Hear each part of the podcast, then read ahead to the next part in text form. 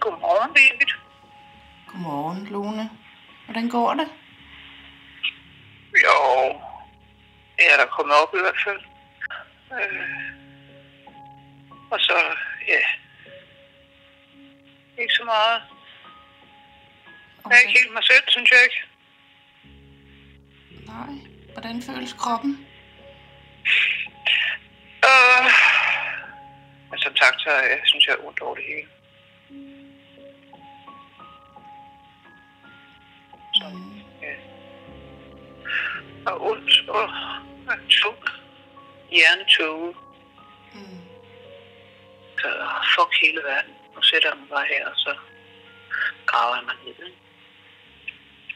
Mm. Men samtidig ved du, at det ikke er sundt for dig. Ja, det er rigtigt.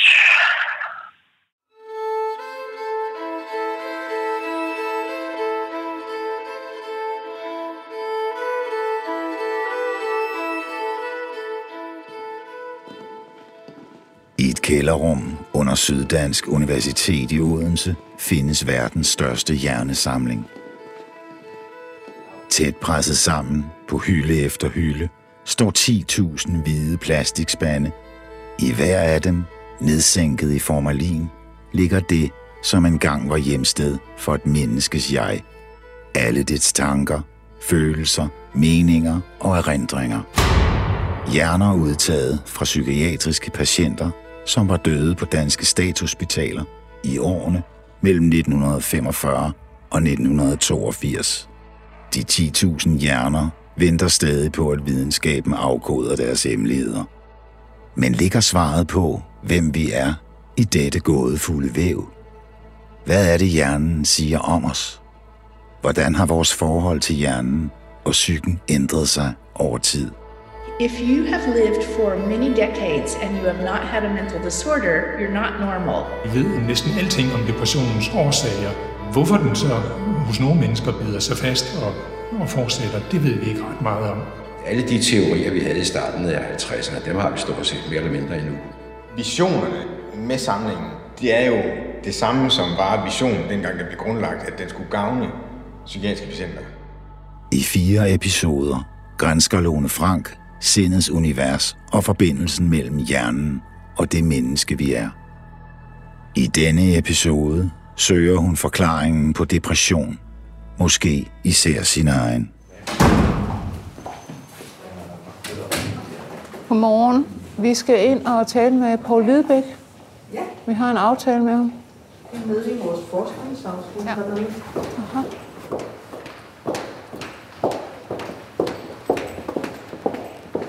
Forskningsenheden. Ja. Jeg er taget til Glostrup, hvor jeg har en aftale med en af dem, der ved mest om, hvad der sker i hjernen ved depression. Det er professor Paul Hvidebæk, som leder Center for Neuropsykiatrisk Depressionsforskning. Ja, Hej. Godmorgen. Vi kommer lige til tiden. ja det skal jeg love for. Ja. Meget præcist.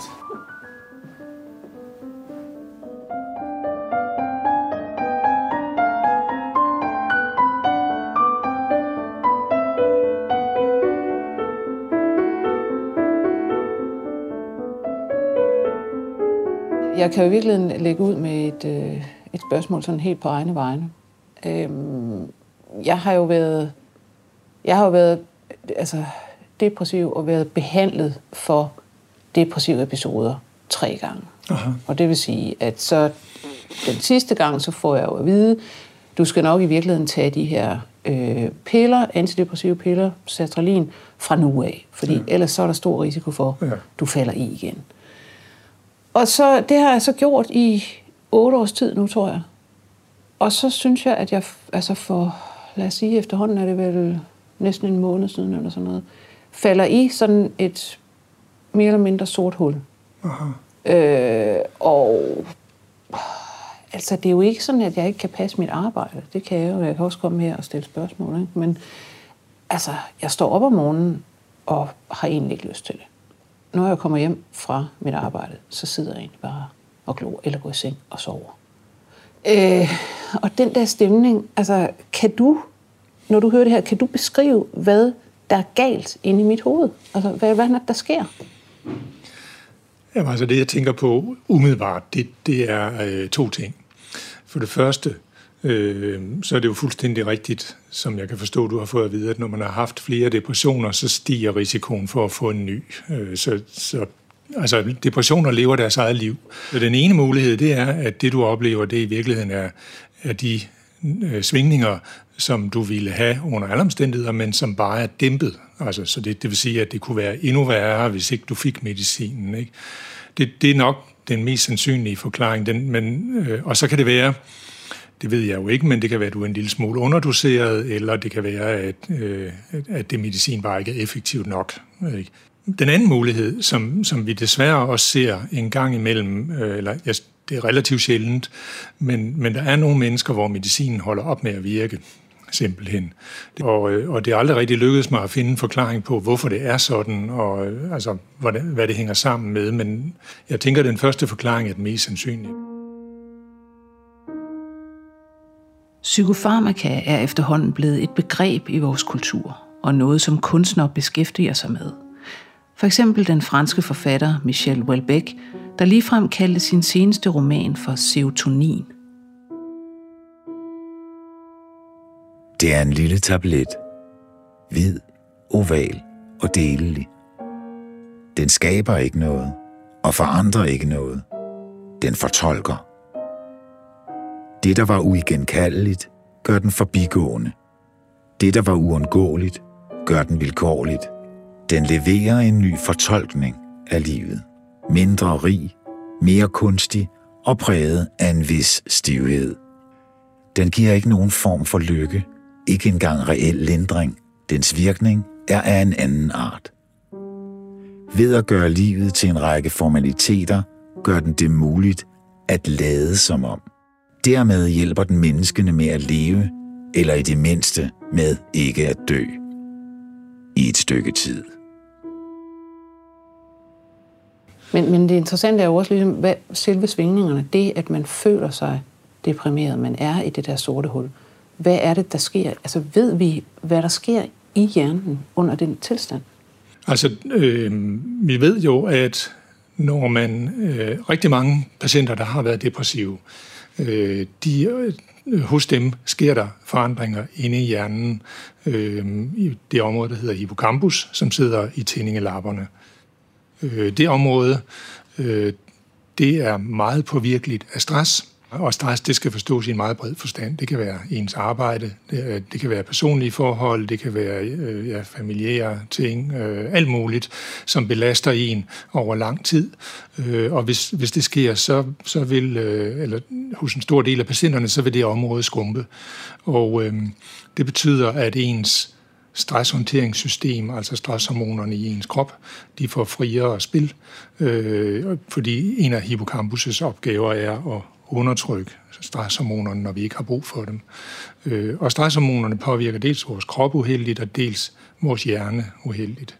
Så, så på den måde, øh, så sker der typisk det, at har man haft en depression, som har været slem, så vil, øh, så vil man være mere følsom for øh, nye ting. Øh, Altså det, det, kan, det kan dels have en, en neurobiologisk forklaring, som, som jeg sådan ganske overfladisk har skitseret her. Men der kan selvfølgelig også være nogle, en anden forklaring, som jeg synes er værd at tage med, og det er, at man på grund af bestemte personlighedstræk øh, er mere sårbar over for bestemte øh, stød, som livet nu engang giver en. Øh, og det kan være ekstremt individuelt, og det vil sige, at, at det kan være svært for andre mennesker at forstå, hvorfor, og også for en selv, for den sags skyld, hvorfor man reagerer ved at udvikle depressive symptomer? Altså, der er jo masser af mennesker, der har langt mere stress i deres liv, end jeg har. Ja. De bliver sgu ikke deprimeret. Nej, men det er altså, fuldstændig rigtigt. Og det forstår vi faktisk ikke særlig godt. Hvorfor er der nogen, der kan øh, tåle helt ekstrem øh, stress øh, igennem lang tid?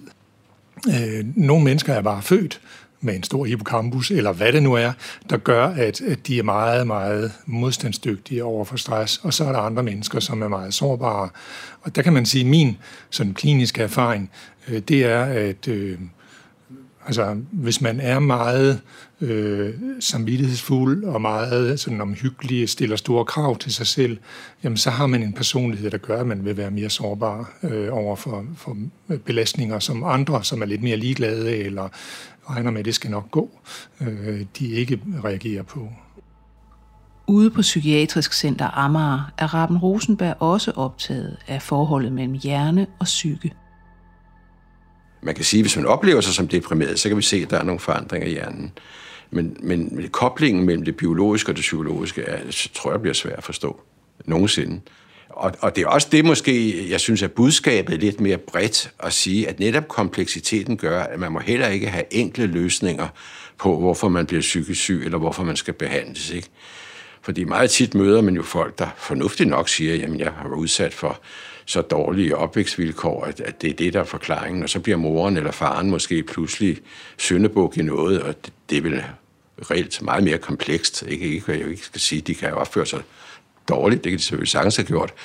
Men der er også en tendens til at lede efter meget enkle forklaringer, og det er jeg meget imod, øh, fordi det gør også, at man skulle tro, så er der også kun meget enkle behandlingsmuligheder. Yeah. Some days I just wanna leave the negativity in my head. I just want relief from my stress. I just want relief from my stress. Some days I don't wanna see you have a bunch of people to impress.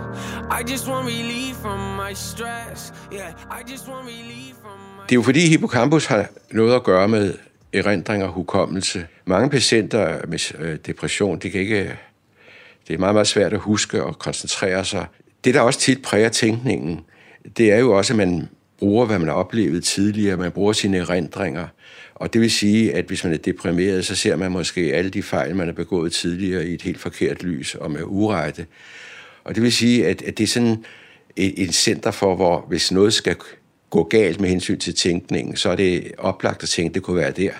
At man genkalder sig forkerte erindringer, man tolker erindringer forkert, man ser det i en anden sammenhæng, der så bliver farvet af grundstemningen. En af de mest ikoniske kunstneriske beskrivelser af depression, synes jeg, man finder hos den amerikanske forfatter Sylvia Plath.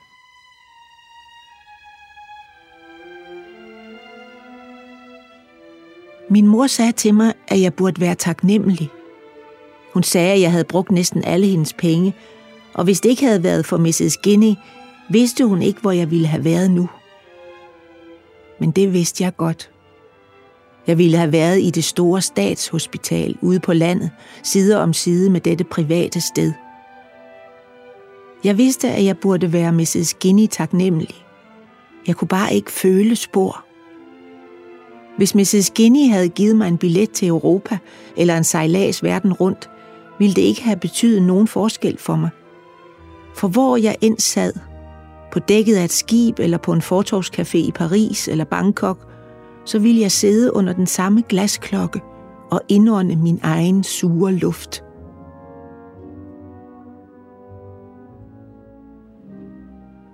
Altså jeg vil sige, jeg synes, jeg, jeg øh, altså i lang tid egentlig har, har altså styret mig selv på den måde, at jeg jo har sagt, øh, hver gang, at jeg var sådan var på vej ned. Jeg, jeg, jeg kender godt nogle tegn hos mig selv. Lige præcis. Det, det. Når jeg ved at, at blive sådan køre ud i et eller andet og ned i et hul, så, så, så lægger jeg pludselig mærke til, hvad alle mulige andre opnår, og, og så tænker jeg, at jeg opnår jo aldrig noget, jeg du ved, et rent nul, bla bla bla, så kører jeg ind i sådan en cirkel, og der, der plejer jeg at kunne tvinge mig selv til simpelthen bare holde op med at tænke det der. Mm. Tænk på noget andet, tænk på noget andet. Men så er der så situationer, hvor det simpelthen, jamen det her nu, det er som om, det, det, det virker bare ikke. Nu er der bare den her stemning, her stemningsleje, som bare er alt for lavt, ikke? og som er kronisk. Hvad fanden er der galt? Fordi du siger noget med, det kan være noget med hippocampus. Ikke? Man har også altid sagt noget om serotonin. Det er for lidt serotonin. Ja, ja, ja. ja. Hva, Hvordan hænger de der to ting sammen? Hænger de overhovedet sammen? Er der jo noget om det der med serotonin overhovedet? Ja, der er noget om det, men det er langt mere avanceret, end, end man øh, troede. Man ved for eksempel, nu vi snakkede om hippocampus, og vi snakkede om stress, at serotoninsystemet er meget påvirkeligt af stress. Sådan at forstå, at bliver vi stresset, så stiger aktiviteten i serotoninsystemet i et, et stykke tid. Det forsøger ligesom at gyde olie på vandene, så, så vi ikke bliver alt for meget ude af den, øh, alt for angste. Men øh, efter et stykke tid, så bliver serotoninsystemet udtrættet, så falder serotonin, så begynder vi at få nogle rigtig ubehagelige symptomer. Altså, øh, og, og på en eller anden måde, så sker der måske via antallet af celler i hippocampus, så bider den her stresstilstand sig fast og bliver til en depression, der så bare lever sit eget liv. Det er den ene ting. Den anden ting er, at man skal huske på, at det er jo altså også meget stressende at have en depression. Mm. Altså, ja. så, så hvad er hønen og ægget?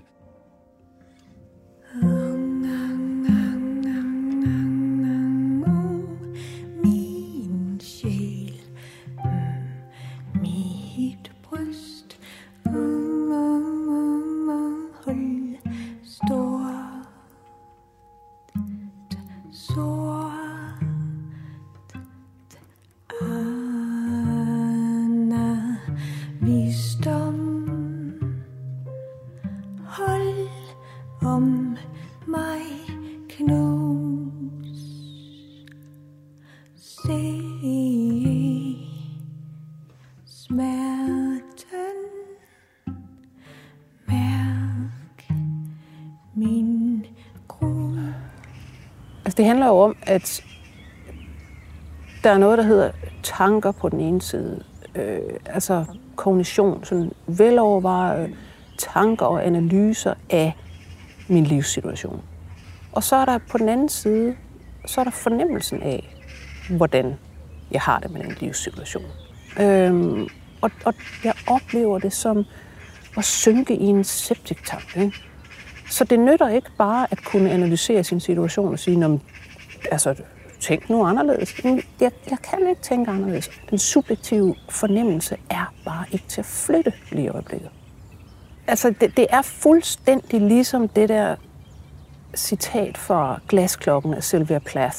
Det er ligegyldigt, om der var nogen, der ville invitere mig på et krydstogt, eller faktisk, du ved, forære mig øh, 3 millioner. Jeg, jeg kan faktisk ikke rigtig se, at det skulle ændre noget fordi jeg vil stadigvæk sidde i min tåge. Det er simpelthen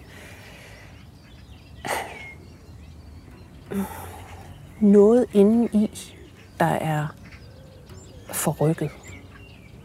Jeg er forrygt, kan man sige. Altså, jeg skal så rykkes tilbage på en eller anden måde.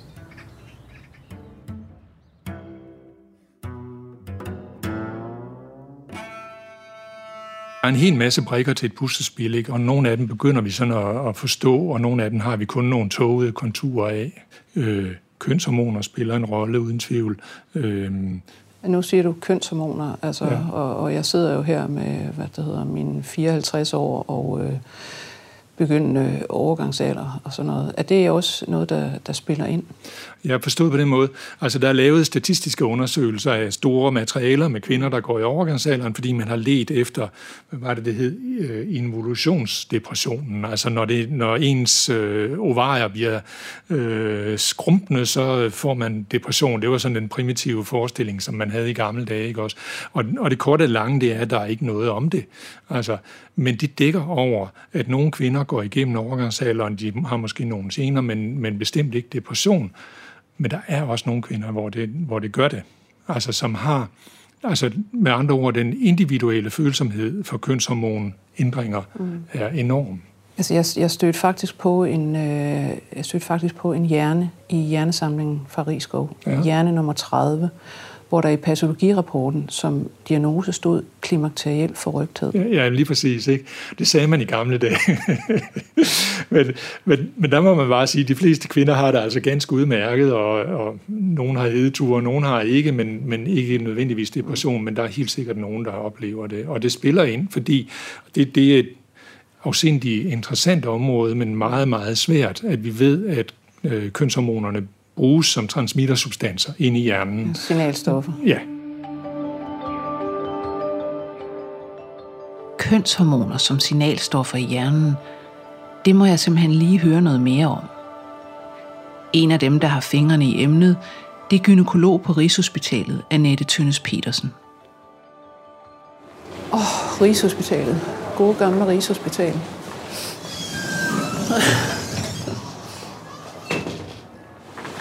Hej. Og jeg føler mig helt øje, fordi det er første dag, vi ikke skal bære Ja, uden, ja. Ja, altså, ja, ja, ja. her i dag. Ja, Ja, jamen, Hej. det er skønt. Velkommen. Altså. Skal jeg finde noget øh, næstkaffe til jer, eller... øh, Ja. Det ville ja. være fint. værsgo, Lyder godt. I, øh, køkkenet Hør med eftermiddagen, man er sådan ved at køre lidt ned, ikke? Og Ja. orker næsten ikke mere. Nej. Og Nej. jeg er selvfølgelig interesseret i øh, det med de øh, ældre kvinder. Ja.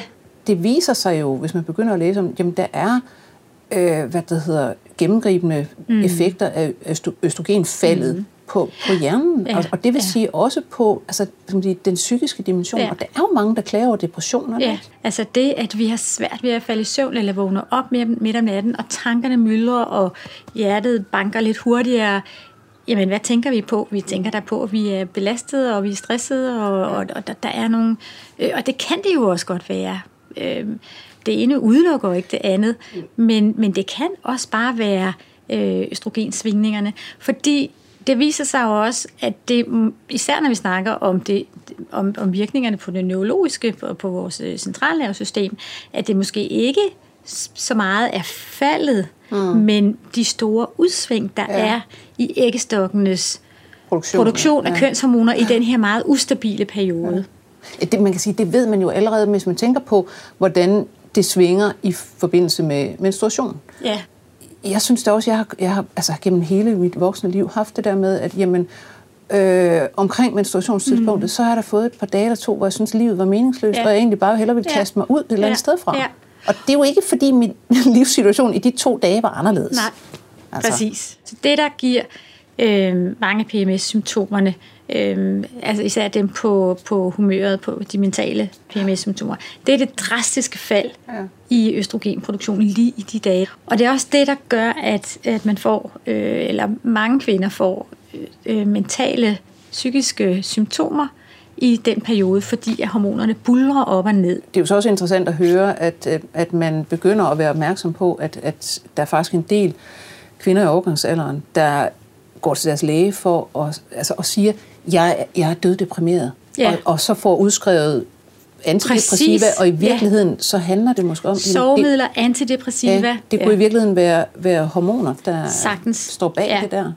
Og der, der, der, når jeg går ud og underviser andre læger i det her, så siger jeg, at hvis I har en kvinde med symptomer på stress, symptomer på depression, øh, måske, måske ikke nogle ledsmerter, altså man skal jo ikke starte hos gigtlægen for at udrede hende for gigt, hvis hun er ledsmerter, hvis hun er i den periode, øh, eller starte med, med antidepressiva eller psykofarmaka. Mm. Prøv en gang at give et lille tilskud naturlig østrogen i 3-4 uger. Hvis symptomerne så forsvinder, jamen så har I forklaringen, og så har I en meget, meget øh, mild og bivirkningsfri og naturlig behandling af et forbigående problem. Jeg synes godt, man kan kalde det her for lidt af et moderne tabu. Men heldigvis er litteraturen begyndt at skældre overgangsalder set indefra.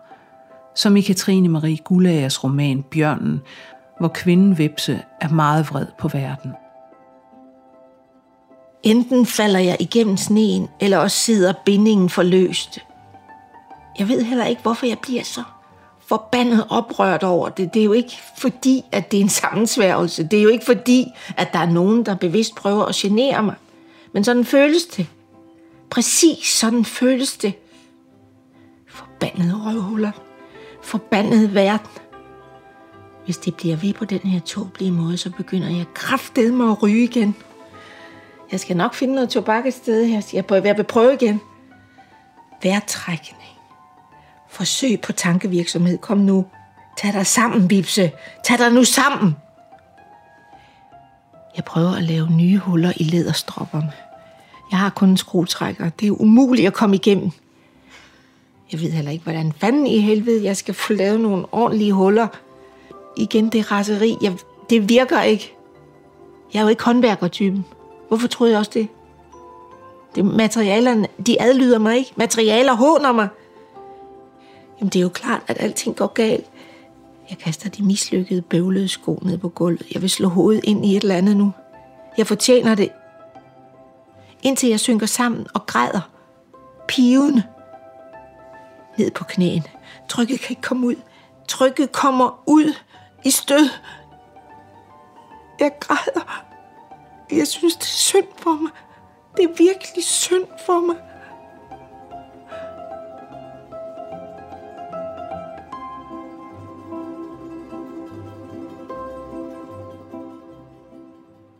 Altså, min hjerne har jo været gennemskyllet af øh, hvad det hedder, østrogen nu i rigtig mange år. Det er den faktisk vant til. Ja. Det er et hormon, der er med til at vedligeholde alle mulige øh, hvad det hedder, kognitive egenskaber osv. osv.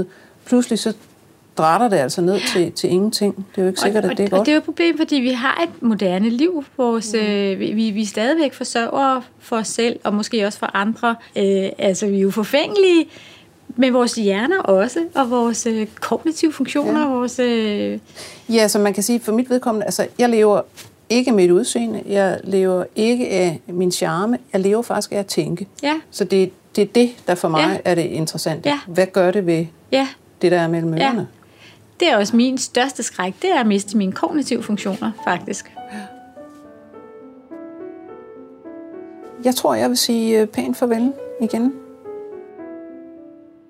Det her med de kognitive funktioner kommer meget fint frem i digteren Ursula N.K. Olsens digtsamling Mit smykkeskrig. Jeg kan ikke beskrive det, varmen gør. Jeg er væk, hver gang den kommer. Den driver bevidstheden ud af kroppens områder. Jeg kan stadig se, men der er ikke plads til tankerne. Ingen steder. Noget mørkt trykker fra panden og ned, fra brystet og op. Det var dog, det var irriterende. Altså. Det lykkedes mig selvfølgelig at, at glemme min taske med mine penge og min telefon og alting i. Øh, Vi snakker ikke flot. om hormoner i hjerner nu. nej, nej, lad os bare, forbi, Det en lad os bare forbigå det. Det er en Ja. lang dag. Det kunne jeg også gøre.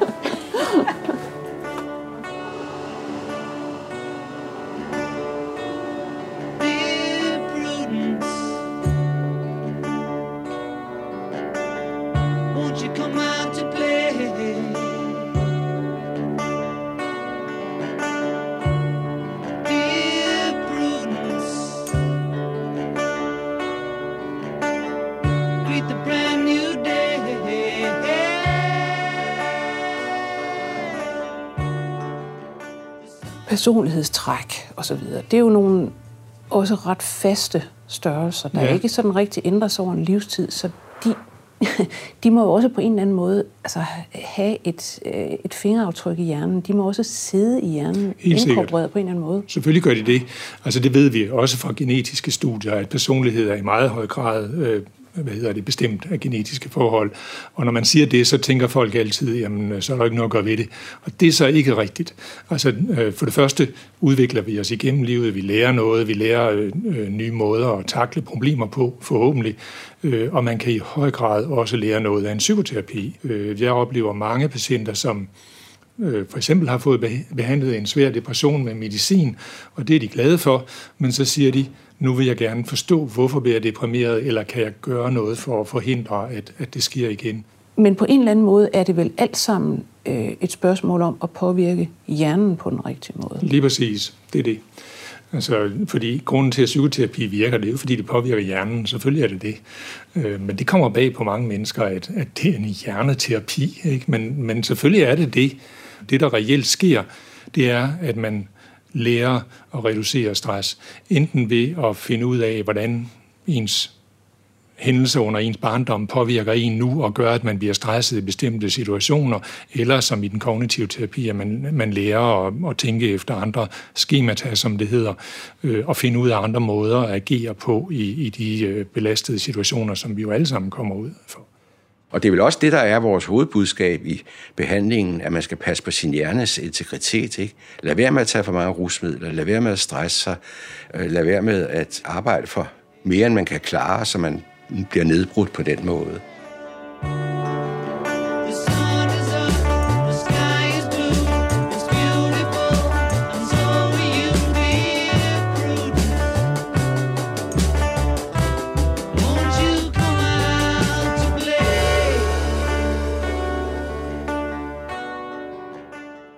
Hippocampus kan bestemt komme sig. og, øh, og der kan udvikles nye nerveceller lige præcis i hippocampus, og det er vanvittigt interessant. Og interessant nok kan den nok også komme sig ved, ved motion. Øh, og det hænger sammen med, at øh, hjernen, øh, når vi motionerer, øh, laver et særligt stof, en slags gødning øh, for hjernecellernes men der skal man selvfølgelig lige sige, at er man svært deprimeret, så nytter det ikke noget at få et råd om, at man skal bare motionere, for det overgår man ikke, det kan man ikke. Tværtimod, så får man nye selvbebrejdelser og tænker, at man er et uselt menneske, fordi man ikke kan følge lægens råd osv. Det skal være lystbetonet, det er meget vigtigt. Altså hvis det er sur pligt, så duer det altså ikke. Det ved vi også fra rotteforsøg. Altså rotter, de elsker at løbe i deres løbehjul, ikke? Og, og så udvikler deres hippocampus sig, hvis de får lov til det. Hvorimod, hvis vi, hvis vi tænker dem til at motionere ved at svømme, de hader at svømme, så virker det ikke. Så det skal være lystbetonet, og man skal selvfølgelig have kræfterne til det. Så kan man få sin øh, hippocampus til at regenerere, og, og øh, man kan bedre sin kognition.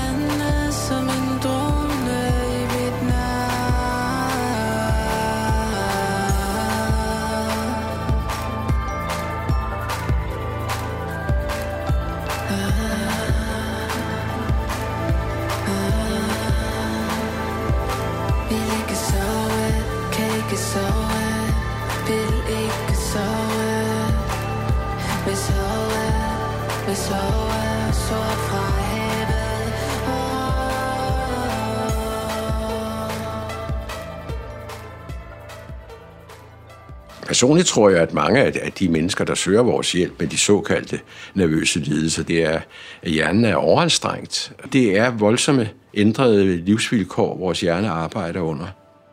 Hvis vi hopper tilbage til evolutionen, så er vores hjerne måske skabt for 50-100.000 år siden, hvor vi levede under helt andre samfundsforhold. Ikke? Og øh, det er jo klart, at hvis man nu lever under helt anderledes komplekse sociale forhold, så er hjernen vil ikke egnet til det, og så vil hjernen, hvordan reagerer hjernen? Den reagerer med stress. Men det er jo nogle vilkår. Man kan jo ikke begynde at sige, at man skal leve på en helt anden måde. Det, det er i hvert fald svært. Det er en indikator på, at der er noget galt. Ikke? Altså, der er noget samfundsmæssigt galt, ikke? fordi vores gener kan ikke øh, ændre sig på, på 100 år. Det, det tager meget mange øh, flere år at, at gøre det. Så det må være noget miljømæssigt, der er galt. Så mener jeg, at problemet er at finde ud af, hvad er det så? Det er jo ikke bare en sygdom, der er i den pågældende hjerne. Det er en sygdom, der infiltrerer hele netværket af mennesker og øh, altså hele omgangskredsen osv. osv. Påvirker en masse mennesker dybt. Øh, det koster en hulens masse penge set fra samfundets perspektiv. Ikke? Så, så ja, jeg synes, det er en folkesygdom.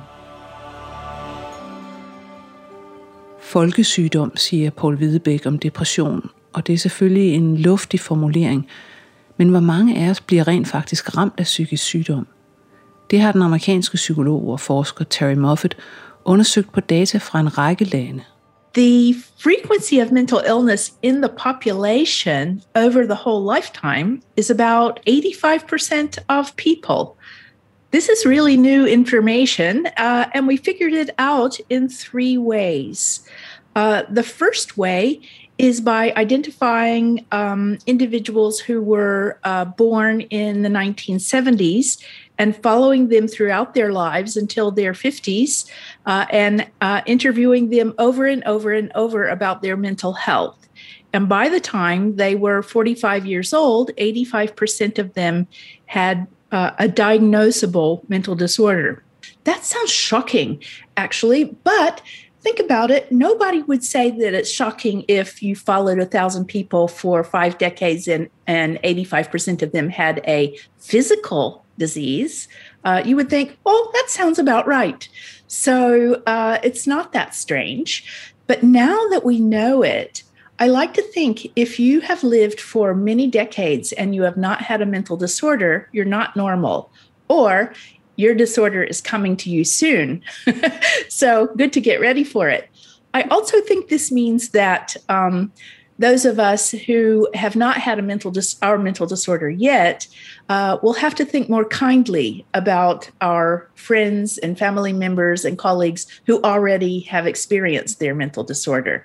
So when it's so prevalent in the population, there's no room for stigma. There's no room to be afraid of people who have had a mental disorder. They're just like us. De er os, må vi vel sige. Der er kun omkring 15 procent af befolkningen, der aldrig får en psykisk sygdom. De raske er de unormale. Sygdommen kan komme og gå, som den danske forfatter Fine Gråbøl beskriver det i bogen Ungeenheden.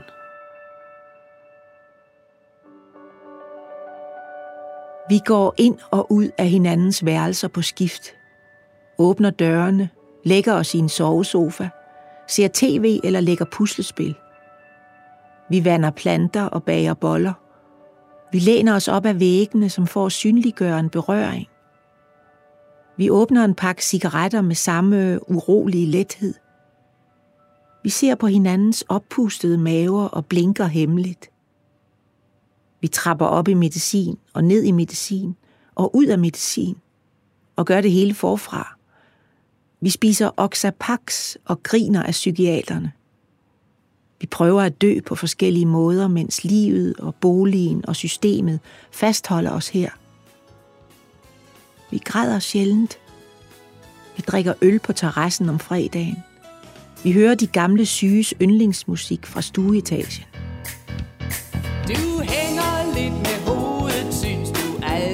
Alt er gråt gråt. Ja, jeg kender jo turen, det er klart du ved det godt. Men glem det et sekund, lad det fordufte i det blå. Grib din egen talent, for nu skal vi lægge farverne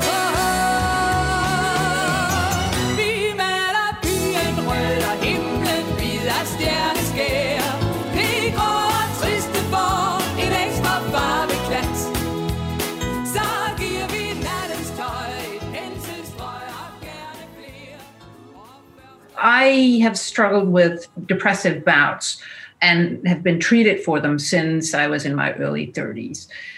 And it seems that now I, I haven't had any depressive symptoms for eight or 10 years, but now as I'm, you know, 54, uh, I'm, I'm experiencing something again. I Yeah. Is that, is that typical because of hormonal changes? I would or- say you and I have the same pattern. And for me, it was menopause. And I had um, quite severe cognitive problems um, with the depression uh, around my late 40s, early 50s. It was not just uh, negative thoughts and anxious thoughts, but I also lost my words. I had no verbal fluency. So there was no way I could have done this podcast interview um, 10 years ago, but it went away. So uh, I'm finding it's very common among women around the time of menopause. And it's frightening. You feel that, oh my gosh, am I getting Alzheimer's? Uh, but no, I think it's just an effect of estrogen on verbal fluency. It's quite normal, but it's very distressing.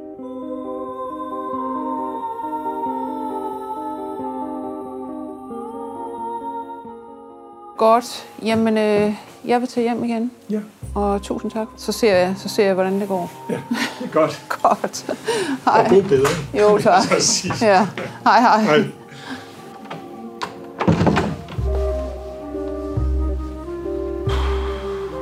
Det, der slår mig efter samtaler med eksperterne, er, hvor meget og hvor lidt vi ved.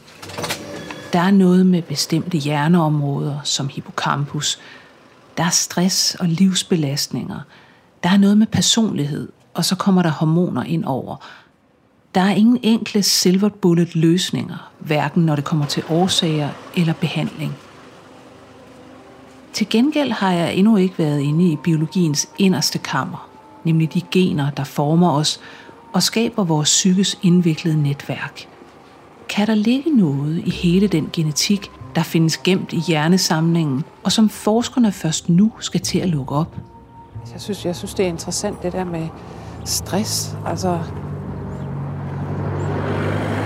det er ikke bare sådan, du ved, ja, jeg har meget arbejde. Nej, det er et eller andet med noget særligt, der stresser lige præcis min psykologiske konstitution, min, min hippocampus.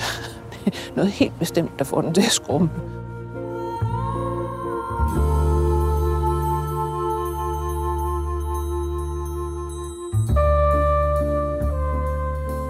Du har lyttet til tredje episode af podcastserien 10.000 sjæle.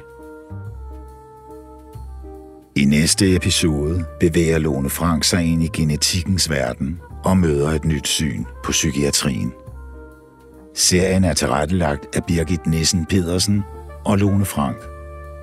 Bodil Jørgensen og Sten Jørgensen læste op fra Sylvia Plaths Glasklokken, Fine Gråbøls Unge Enheden, Michel Ulbæks Serotonin, Katrine Marie Gulagers Bjørnen og Ursula Anker Olsens Mit Smykkeskrin.